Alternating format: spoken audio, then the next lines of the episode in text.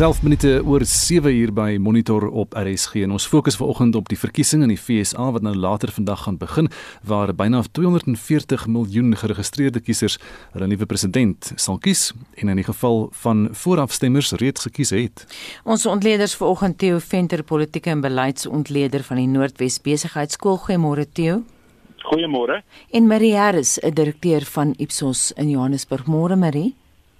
Goeiemôre. Marie, ek wil begin by jou. Professor Michael McDonald van Florida Universiteit sê die aantal kiesers wat teen Sondag vooraf gestem het, staan reeds op 93 miljoen. 136 miljoen Amerikaners het in 2016 gaan stem en professor McDonald voorspel 'n baie hoër stempersentasie vir 2020. Eers jy en dan Theo. Stem julle saam? Wel, jullie het die meeste mense wat nog ooit voor 'n verkiesing gestem het, dit is nou al by 100 miljoen um mense. En as ons kyk na wat die opnames gesê, twee derde van mense het gesê dat hulle hulle stemme voor die tyd gaan uitbring. So dit lyk asof die Amerikaanse verkiesing omtrent tussen 150 miljoen en 160 miljoen stemme gaan oplewer. Wat beteken dit is nogal 'n baie hoë stempersentasie vir hulle die 60% na twee derde toe en ek dink nie dit dit al in die dit definitief nie in die onlangse verlede gebeur dat die stempersentasie so hoog was nie. Mm -hmm. Daar ehm um, ja, daar van ongeveer soveel mense stem. Die ons nog Die wat wil hê aansluit by Marie, ons het in die inleiding verwys na die groot voorafstempersentasies, sy het 'n bietjie daaroor uitgebrei. Ehm um, watter kamp gaan die meeste voordeel daar uittrek? Ja, dit is definitief in die laaste 100 jaar gaan dit um, net soos wat COVID uh, een in 'n 100 jaar gebeure is, um, het hierdie uh, hoogste persentasie beslis uh, uh, uh, is beslis beïnvloed deur COVID-19. Um, ek dink baie mense, boonbehalwe die entoesiasme om te stem, het net gevoel dit is uh, veiliger om voor die tyd te stem en uh, tradisioneel um, Anita was die was die stemme gebring deur middel van voorafstemme of posstemme was tradisioneel die hoogste by die demokrate. Republikeine het 'n tradisie om op stemdag te gaan stem. En toe dit begin blyk het dat ehm um, posstemme of voorafstemme gaan gaan 'n groot volume begin word het ehm um, president Trump natuurlik baie baie hewig daarteen geskop. Hy self op 'n stadium die poskantoor uh uh, in 'n sekere sin in 'n slegte lig probeer stel om nie die infrastruktuur te bied hiervoor nie, maar geen een van hierdie goeie draaie gewerk nie en die howe het uh, baie duidelik aangedui dat daar mag geen beperkings geplaas word op hierdie soort posstemme nie. So dit lyk vir my asof die voordeel tradisioneel na die demokrate toe sal gaan, maar ons moet versigtig wees met die tradisie. 'n Klomp tradisies is in 2016 gebreek in presidentsverkiesings en ek dink nie 2020 gaan anders wees nie. Ons is in 'n verkiesing wat stemtempo aanbetref wat eintlik nuwe grond is en die verwagting is dat dit die demokrate kan bevoordeel, maar daar kan net so baie entoesiasme onder republikeine wees en dit maak dit so moeilik om te voorspel waarna toe hierdie verkiesing vandag gaan. Alles hang natuurlik af van hierdie slagveld of die sleutelstate Michigan, Wisconsin North Carolina, veral Pennsylvania. Dit trek baie media aandag. Trump en Biden se fokus gister was dan ook op Pennsylvania gewees en ek sien op TV hulle sê as dit aan die einde van hierdie verkiesing alles neerkom net op Pennsylvania se uitslag, dan gaan ons lank wag want daar is 'n groot stryd aan die gang. Die hoe werk dit daar? Wat gaan aan in Pennsylvania? Ja, dit is 'n dit is 'n staat wat uh, Donald Trump gewen het in 2016 teen alle verwagtinge in. En dis 'n staat waar ehm um, die die Biden of die demokrate dan eintlik deurlopend voorgeloop het. Maar dis 'n staat waarin Trump baie energie spandeer het baie geld spandeer het baie ehm um, advertensie gekoop het en en dis meer is alles deel van die Amerikaanse proses. En dit gaan oor 'n aantal ehm um, kiesgeregtigde elektors wat verkies moet word. En ehm um, dit is dit is waar wat julle noem oor die sogenaamde bellwether states of swing states of gevegstate of wat mense dit ook al wil noem maar dit is die state wat gaan bepaal wie eerste by 270 gaan uitkom. En ek het gisterand weer 'n bietjie gespeel met die verskillende state en as jy nou uh, speel speel raai raai scenario's doen dan is dit so dat hier aan die einde kort Trump tussen 10 en 11 um, elektors om by 270 uit te kom. Biden kom baie vinniger daarby uit, hmm. maar dis nie onmoontlik vir Trump om ook 270 te kry nie en dan gaan dit weer 'n verrassing wees net soos in 2016 uh, toe selfs Trump verras was deur sy oorwinning. Maar die baie ontleeders sê vroue se stem gaan deurslaggewend wees. Wat het julle by Ipsos bevind? Dit is baie waar dat die vroue in die vorige verkiesing, uh veral die vroue wat nie soos hulle noem uh, college educated is nie en ook baie vroue in die ehm um, in die sede vir Trump gestem het.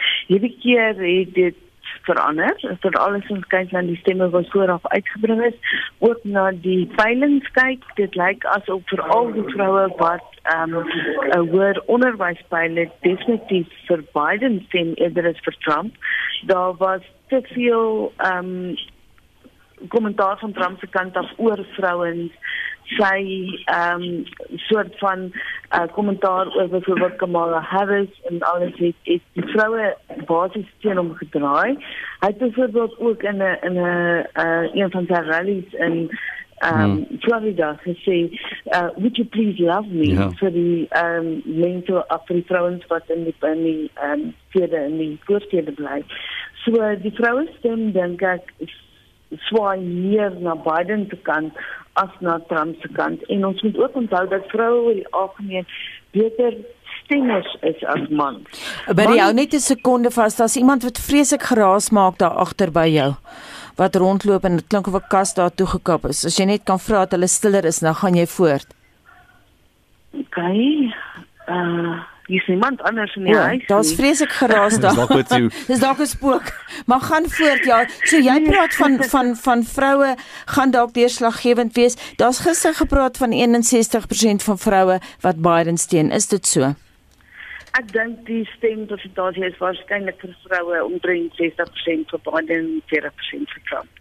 Die stem is saam met wat Marie gesê het hier uh, uh, dat Trump amper op sy Achilles heel uit die uit die steen van die vroue verloor wat hy gehad het destyds uh, die voorstedelike vroue wat wat opgevoed is en dan die ander ding is natuurlik die swart Amerikaners. Ja, dit is nie sommer net iets wat ons net uit uh, peilings kry nie. Ons moet onthou daar was 'n tussenverkiesing gewees, of nou alleen 'n tussenverkiesing, nie 'n midterm hmm. verkiesing in 2018, ehm um, 2 jaar gelede toe die huis van verteenwoordigers ook um, erkies moes word en daar het dit duidelik geword dat Trump met die steun en die vertroue van die voorstedelike vroue, die jeug, ons moet die jeug nie vergeet nie, en swart stemme definitief verloor en dit het gemaak dat die demokrate 'n baie sterker houvas op die huis van verteenwoordigers gekry het. So dis daarom 'n verskynsel of 'n tendens wat 'n jaar of 3 al aan die kom is en dit is die Dis die hekkie waaroor Trump sal moet kom. Jy kan nie hierdie verkiesing wen as die meerderheid van vroue nie vir jou stem nie. 'n uh, Gelykopverdeling tussen vroue is 'n is 'n is 'n is 'n positiewe ding, maar op die oomblik en en Trump het twee of drie keer in sy veldtogte voor die verkiesing uh grappenderwys na vroue verwys en gesê julle moet my steun. Hmm. Julle behoort van my te hou want ek hou julle woonbuurte veilig. Hy het selfs op 'n stadium die veiligheidskomponent van die Amerikaanse politiek gebruik as 'n poging om vroue te oortuig om meer van hom te hou, maar ek dink hy het te veel goed gedoen in sy verlede en sy hele benadering tot dinge en hoe hy optree het om eenvoudig verwyder van die meerderheid vroue stem. Theo, ek wil vir 'n oomblik by jou bly. Hoe belangrik is Latyns-Amerikaners, oftewel die Latinos, se stemkeuse in deelstate soos Arizona en Florida? En Kalifornië. Ehm um, baie baie belangrik. Baie belangrik. Die die Latinos of die Spaanssprekendes het as 'n minderheid die ehm um, die getal ehm um, swart mense in Amerika verbygesteek. Uh swart Amerikaners maak so 13% uit van die bevolking, so 44 miljoen en Latinos maak so 17 na 18% van die bevolking uit. Maar hulle stem is baie meer divers as die swart stem die Latinos byvoorbeeld in in Florida hou van 'n regse Amerikaanse regering wat sterk optree byvoorbeeld teen Cuba of wat sterk optree teen kommunisme en daai soort faksies terwyl um, ek het bietjie kompetisie van van uh, ja, van honde en 'n kraai. Hulle hulle hulle hou Hulle hou daarvan uh, om so hulle steun lê verskillend op verskillende plekke, maar daar is 'n baie baie sterk poging aan die Trump kant om veral die Latyn-Amerikaanse stem in Florida aan sy kant te kry want Florida is 'n sleutelstaat tussen die belangrike state. Marie, wil jy iets uh, sê oor die Latinos? Ja, ek dink ek stem heeltemal met met die saam dat die Latino stem ook nie 'n monolitiese groep is nie die mense nou nie almal oor een kam kan skeer nie en dat hulle waarskynlik baie verskillend stem in Florida as in van die ander state. En baie interessant, hulle is een van die grootste minderheidsgroepe in Amerika. Ehm um, wat ehm um, aan die verkiesing gaan deelneem vandag. Marie gepraat van die van hierdie uh, verskeidenheid van die rasse in Amerika. Die huisvat van verteenwoordigers is baie meer uh, verteenwoordigend dan van die bevolking van die land oor die algemeen en daar kan 'n mens sien die diversiteit wat deurkom soos wat Theo nou gesê het van die Latinos en en die vroue en die en die Afrika-Amerikaners, die swart Amerikaners. Uh, maar die verkiesing word nie so geveg nie want die Republikeine gaan na die wit stem in Middel-Amerika en so en as gevolg van hierdie electoral college Eh, dink jy dis 'n meer verdelende aspek wat inkom net om die verkiesing gewen te kry, moet jy na spesifieke rasse toe gaan? Ek weet nie of dit verdelend is nie. Dit is 'n eenvoudig politieke strategie. Jy ja. gaan jy gaan vis waar die vis is. Ja. so jy moet kyk aan die soort van mense wat jy ondersteun en dan ook kyk na watter state die meeste afgevaardigdes dan kieskollegie sisteem en in daardie state gaan werk. Dis waar ons van die sogenaamde bellwether state praat. En, en sommige state het sedert die begin van Amerika nog altyd of republikeins of demokraties hmm. gestem. So dit help my eintlik baie vir 'n uh, 'n republikein om al sy geld te spandeer in 'n staat wat nog altyd demokraties gestem het nie en omgekeerd. So uh jy moet jou politieke strategie baie deeglik beplan vir so 'n verkiesing. En ehm um, daar's omtrent so 7 of 8 state wat regtig die uitkoms van die verkiesing bepaal omdat hulle soveel afgevaardigdes het na hierdie ehm um, kieskollegie wat op die ou en besluit wie uh, die president is want as jy 'n staat wen dan kry jy al die stemme van daardie staat. Sien in die hele kwessie van die van die groot lobbygroepe soos hulle noem in Amerika wat wat verkiesingsuitslae kan swaai, is is dit ook 'n uh, kwessie in die presidentsverkiesing? O ja, beslis, want dit is hulle wat op verskillende maniere uh um sogenaamde PACs kan stig, political hmm. action committees en dit sou jy geld in die Amerikaanse stelsel um invoer deur sulke belangegroepe te stig en geld dan beskikbaar te stel aan jou kandidaat op verskillende maniere.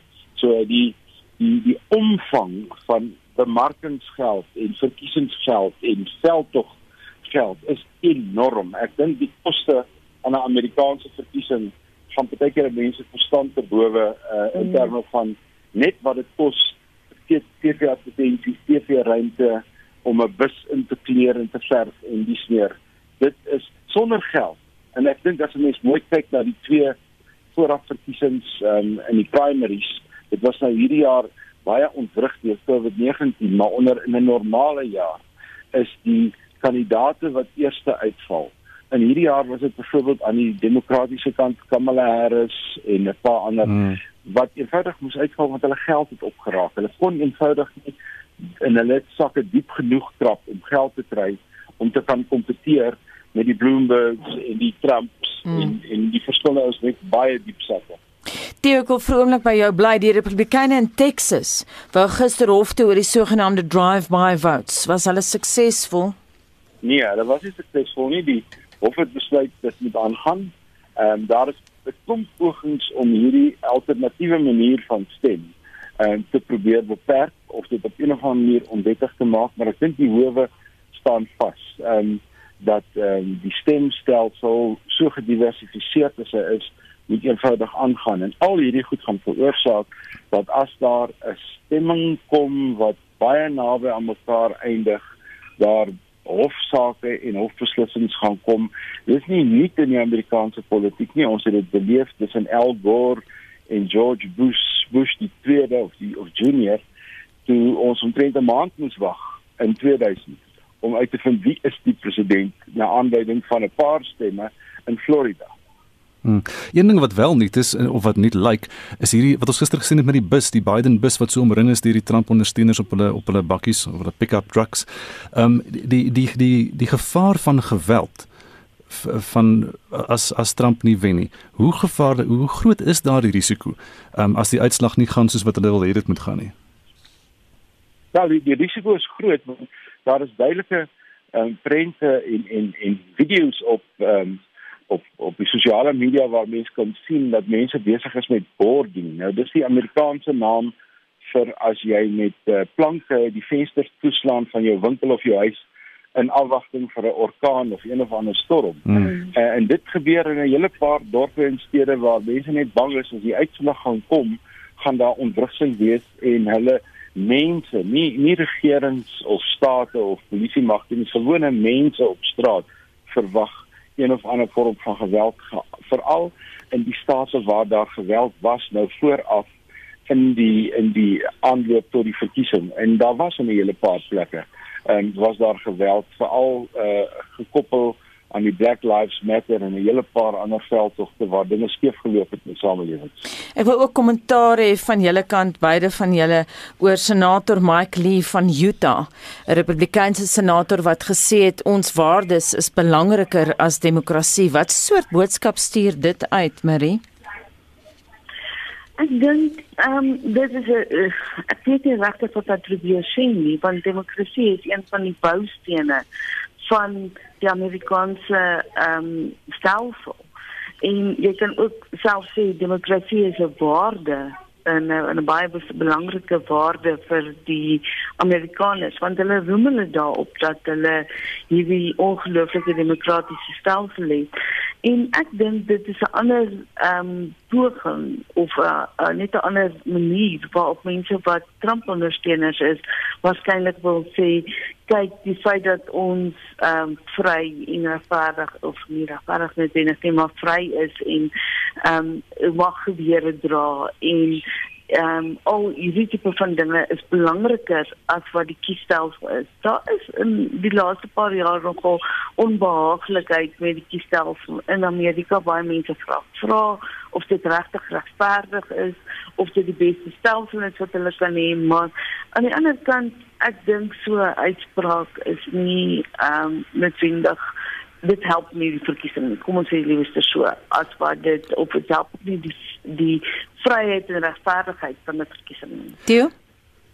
Ja, ek stem saam met Marie. Die ehm um, die verkiesing is deel dis 'n instelling in Amerika en hy in die Amerikaners weet dat hy dikwels skewe uitslae lewer. Want dis die aard van 'n first past the post election. Dan hmm. die Amerikaners behalwe in een of twee deelstate ken glad nie iets soos 'n proporsionele verkiesing nie en dit is dan wanneer gesprekke oor hmm. waardes en wat is regtig belangrik en natuurlik onderliggend hieraan is sulke dinge soos die tweede amendement wat die reg op die dra van 'n wapen ehm um, uh, um, wel waarborg en ehm um, die vrees wat daar is vir byvoorbeeld die demokrate is dat hulle dit gaan ophef.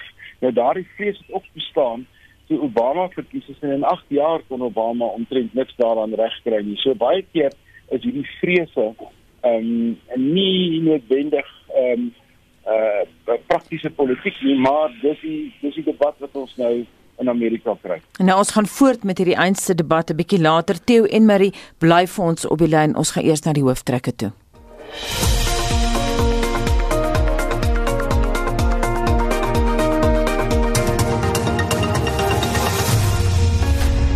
En ons gaan voort met ons gesprek oor die Amerikaanse verkiesing met Marie Harris en Theo Venter. Theo om net weer terug te kom na die geweld toe. Die Trump-ondersteuners gaan vir jou sê maar is die demokrate wat gewelddadig is met daai ver linkse organisasies soos Antifa en dat die demokraties beheerde stede die plekke is waar die geweld regtig eintlik aan die gang is. Is die geweld aan albei kante eweveel? Kan 'n mens so iets sê? Nee, ek dink nie dis 'n gelykwaardige gewelddadige prentjie nie. Ehm um, Partykeer is die geweld word aan aangemoedig.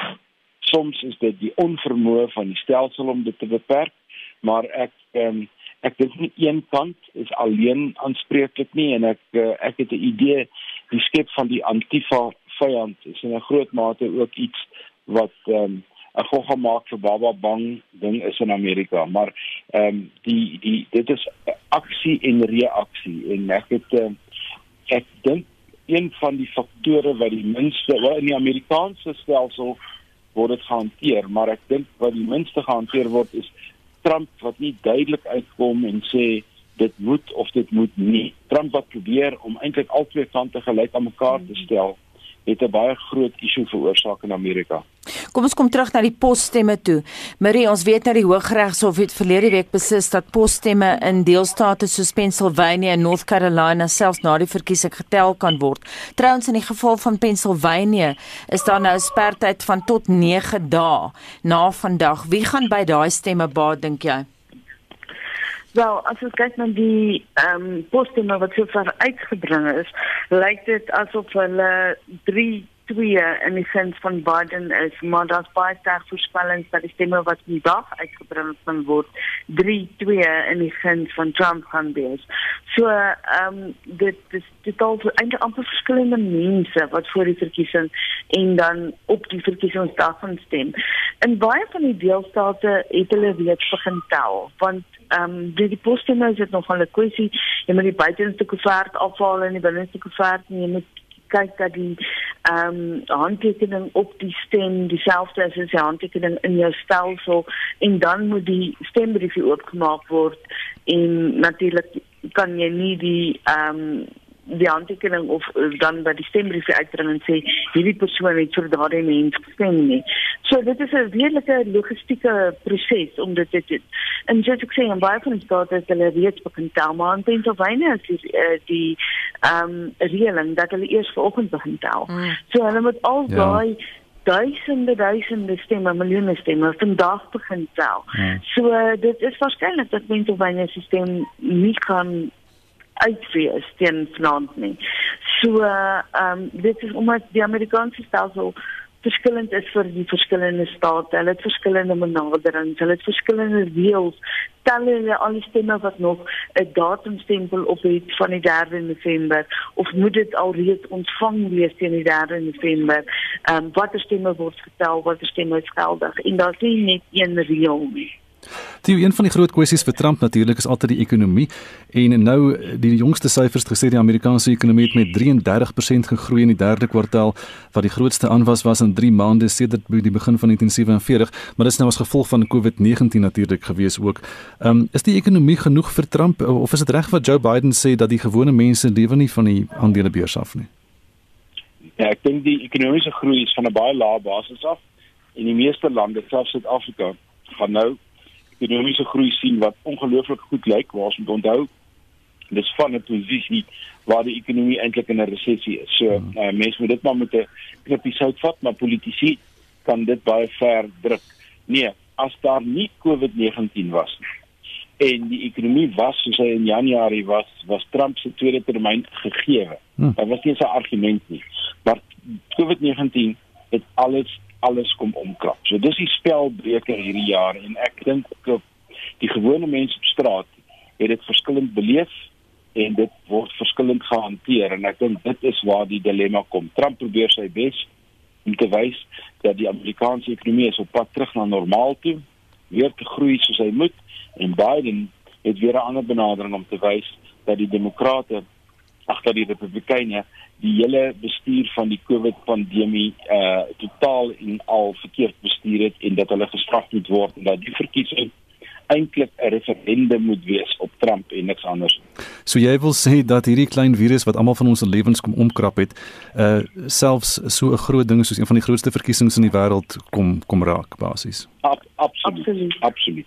Jy lê stem op saam. Marie, ons gaan na jou toe. Gee vir ons 'n tipiese profiel van 'n Amerikaanse demokratiese ondersteuner en die van 'n republikein. dit is nogal moeilik. Ehm um, ek sal nou nie sê dat jy kan na mense op die straat kyk en besluit die persoon is 'n demokraat en daai is 'n republikein nie, want dit is nie noodwendig waar nie. Maar as ons na die, die republikeinse uh, ondersteuners uh ehm um, so so se kenmerk kyk. Hulle bly gewoonlik nie in 'n groot stad nie. Dis meer platteland as stedelik. Ehm um, dis meer manlik as vroulik natuurlik. Uh, ons het reeds daaroor gepraat. Hulle bly waarskynlik hier in die Midde-Weste, nie soveel in die Ooste en die Weste van die land nie. Dit is baie meer demokraties in daai gedeeltes. Die ehm um, Republikeine is ook ehm um, baie meer wit ehm um, baie minder ehm um, minderheidsgroepe binne in die Republikeinse ondersteuning op hulle ook kry van hulle soos wat ons voor gepraat het oor die Latinos in in Florida. En uh, hulle benadering tot die lewe is gewoonlik baie baie konservatief. En baie van hulle kom uit die sogenaamde Amerikaanse Bible Belt. En uh, as ons dan na demokrate kyk, gewoonlik jonger, ehm um, meer vroulik as manlik, ehm um, alle bevolkingsgroepe word daarbey ingesluit. Gewoonlik meer uit die noorde van die land en en uh die aan die oos oos uh kus en weskus, nie baie in die suide die ou ehm um, American Beach South nie. Hmm. Ehm um, resulted like it's going to be verander in die stadium en ehm um, nie nie noodwendig sosialisties soos wat Trump uh, hulle beskuldig nie maar liberaal. Ja. Sien, hoe het hierdie profiel verander oor tyd saam van Bill Clinton af deur George Bush en Barack Obama? Die profiel van demokrate en republikeine is anders vandag as wat dit was net 'n paar jaar gelede. O ja, dit dit het verander en die samestelling van Amerika en hoe Amerikaners hoe die demografie verskuif het, vertel ons ook baie van die politiek. 'n Plek soos Texas wat tradisioneel uh republikeins was is besig om 'n uh, 'n uh, bellwether state te word. Dan word dit kan ook 'n demokratiese ehm um, uitslag lewer. Florida is nog 'n voorbeeld. So daar is 'n hele klomp die verskywing van die populasie. Hmm. Het ook 'n verskywing in die politiek meegebring en die interessante ding wat in 2016 gebeur het is dat die state wat voel dat hulle uitgesluit word uit wie Amerika is, die sogenaamde flyover states Dit al hierdie rooi staatjies op die kaart wat mens sien tussen die ooskus en die weskus. Dit gevoel Trump kom soos 'n uh, ridder op 'n wit perd want um, met sy Make America Great Again het hy aan hulle iets gegee wat hulle tot nou toe nie gehad het nie en dit is 'n soort ekonomiese nasionalisme. Hy het hulle gesê ek gaan julle beskerm teen hierdie ouens wat julle uitbuit so China en dis meer en dis meer. En um, hy het in 'n groot mate geslaag daarin natuurlik totdat COVID gekom het. Ehm um, ja. en al hierdie goed speel 'n rol, maar geen twyfel wat Marie gesê het nie, die die die teenwoordigheid van van Kalifornië aan die aan die weste kant, New York en 'n paar ander state aan die ooste kant, dit verteenwoordig die groot som van republiek ag van demokratiese ondersteuning. Baie dankie aan albei van julle. Dit was Theo Venter, politieke en beleidsontleder van die Noordwes Besigheidsskool en ons het ook gepraat met Marie Harris, 'n direkteur by Ipsos in Johannesburg. Estie 'n luisteraar sê ek verwag 'n reuse oorwinning vir president Trump. Hy het alles uitgevoer wat hy aan sy land beloof het en plaas sy landgenote eerste soos dit moet wees. En dan sê Ernst, hoe op aarde kan jy stem vir iemand wat in 4 jaar dit regkry om 25000 leuns te vertel? Loukie van Ermelo skryf Donald Trump gaan wen. By hom is Amerika eerste en die res tweede en Koos sê op ons SMS lyn luisteraars se liefde vir Trump verbaas en bekommer my. Ons praat vandag oor die Amerikaanse presidentsverkiesing en vandag is natuurlik D-dag in die FSA en ons wil by jou weet wie dink jy gaan wen en vir wie sou jy stem en wie wil jy hê moet wen Donald Trump of Joe Biden? En hoekom sê jy so? Stuur vir ons 'n SMS na 45889 R1.50 per SMS of gesels saam op ons Facebookblad by facebook.com vorentoe skynstreep ZARSG. Ek is net voor 8 terug met nog van jou terugvoer. Dis nou 18 minute voor 8 en ander wêreldnuus gebeure. Die polisie in Wene in Oostenryk is op soek na minstens een verdagte na dodelike aanvalle in die stad. Justin Kinderly môre. Goeiemôre. Twee mense is dood en minstens 14 is gewond nadat gewapende mans op 6 verskillende plekke in Wene op lede van die publiek losgebrand het. Die aanval het plaasgevind terwyl baie mense op straat en in kroë in die gebied was op die laaste aand voordat 'n nasionale inperking weens COVID-19 vandag in werking tree. Die skietvoorval het naby die sentrale sinagoge in Wene begin, maar dit is nog nie duidelik of dit die teiken was nie. Die sinagoge was gesluit, maar 'n beampte wat wag gehou het is beseer. Een, een van die slagoffers is op straat dood en die tweede slagoffer het in die hospitaal aan haar wonde beswyk en die 14 beseerdes is volgens berigte steeds in die hospitaal. Oostenryk se minister van binnelandse sake, Karl Nehammer, het dit as 'n terreuraanval beskryf. This is the hardest day for Austria for several years. We are dealing with a terror attack, the severity of which we haven't experienced in Austria for a long time, thank God. Unfortunately, we have several injured, several dead. Our special forces have managed to eliminate a heavily armed terrorist armed with an automatic weapon. From what we know, there is at least one perpetrator on the run. Dit is in die stadium nie bekend hoeveel aanvallers daar was nie, maar die Oostenrykse kanselier, Sebastian Kurz, skryf intussen op Twitter dat die land nooit sal toelaat dat hulle deur terrorisme ge geïntimideer word nie en verskeie wêreldleiers het ook die aanval veroordeel. En dan Frankryk het verlede week 'n operasie teen Al-Qaeda verbonde militante in Mali uitgevoer. Ja, Frank Frankryk sê sy magte het meer as 50 militante in sentraal Mali doodgemaak tydens die operasie. Die Franse minister van verdediging, Florence Pagny, sê die militante wat aan Al-Qaeda verbonde is, is Vrydag op die grens van Burkina Faso en Niger doodgeskiet. Je voudrais euh, révéler une opération I would like to reveal to you an operation of great importance which was carried out on the 30th of October in Mali and which made it possible to neutralize more than 50 the equivalent of a battalion by also confiscating weapons and equipment. En dan om wêreldnuus vanoggend mee af te sluit, 'n jong meisie het die aardbewing in Turkye oorleef. Ja, baie uh, hartroerende storie. Die 3-jarige meisie Elif is vir byna 3 dae of 65 uur lank onder die puin vasgekeer na 'n kragtige aardbewing in Turkye. 'n Reddingswerker, Muammer Hayek, het haar onder die puin gevind, maar het gedink sy is dood, tot sy haar klein handjie om sy vinger gevou het. Sy was onwater maar het nie ernstige beserings opgedoen nie en word tans in die hospitaal behandel. En die aardbewing, Vrydag het minstens 85 mense se lewens geëis, waarvan uh, talle nog vermis word. Justin Kinderly met vanoggend se wêreldnuus gebeure. 11 minute voor 8 en 'n voormalige direksielid van die Suid-Afrikaanse Lugdiens, Jake Kwinana, moes behoorlik bond staan voor die Zondo-kommissie wat staatskaping ondersoek oor 'n grondhanteringskontrak. Nou Kwinana het getuig dat sy nie kan onthou dat die kontrak in 2016 goedgekeur is nie en het derentyd verwys na 2012. Die direksie het die kontrak van 1 miljard rand aan Swissport South Africa goedgekeur en vir 5 jaar toegeken. Kwinana het egter aan die staatskapingskommissie gesê dat die direksie slegs die bepalinge van die kontrak goedgekeur het. Die kommissie verrigtinge het afgeskop met Kwinana wat aangedring het dat die ondersoekleier advokaat Kate Hofmeyer haar van die ondervraging onttrek. Sy het Hofmeyer daarvan beskuldig dat sy bevooroordeeld en selektief is.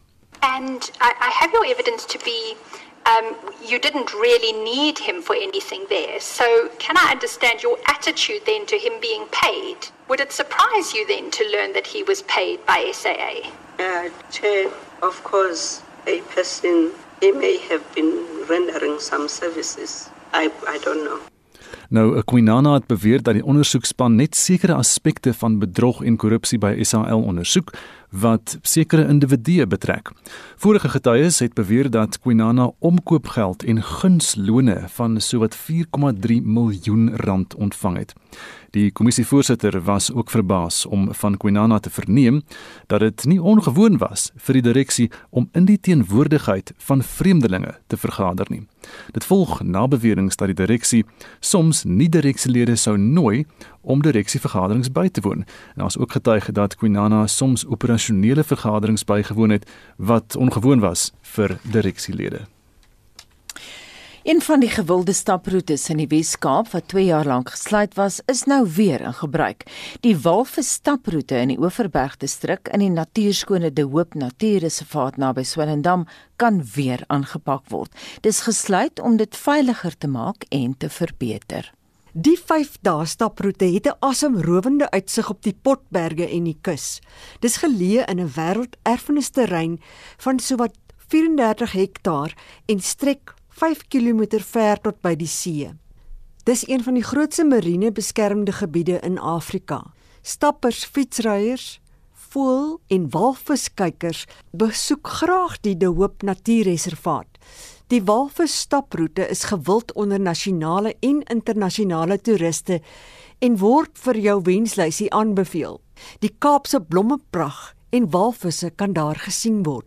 Pietro van Rein is van Cape Nature. Daar is twee goed wat vir ons werklik baie belangrik is en baie na in die hart lê.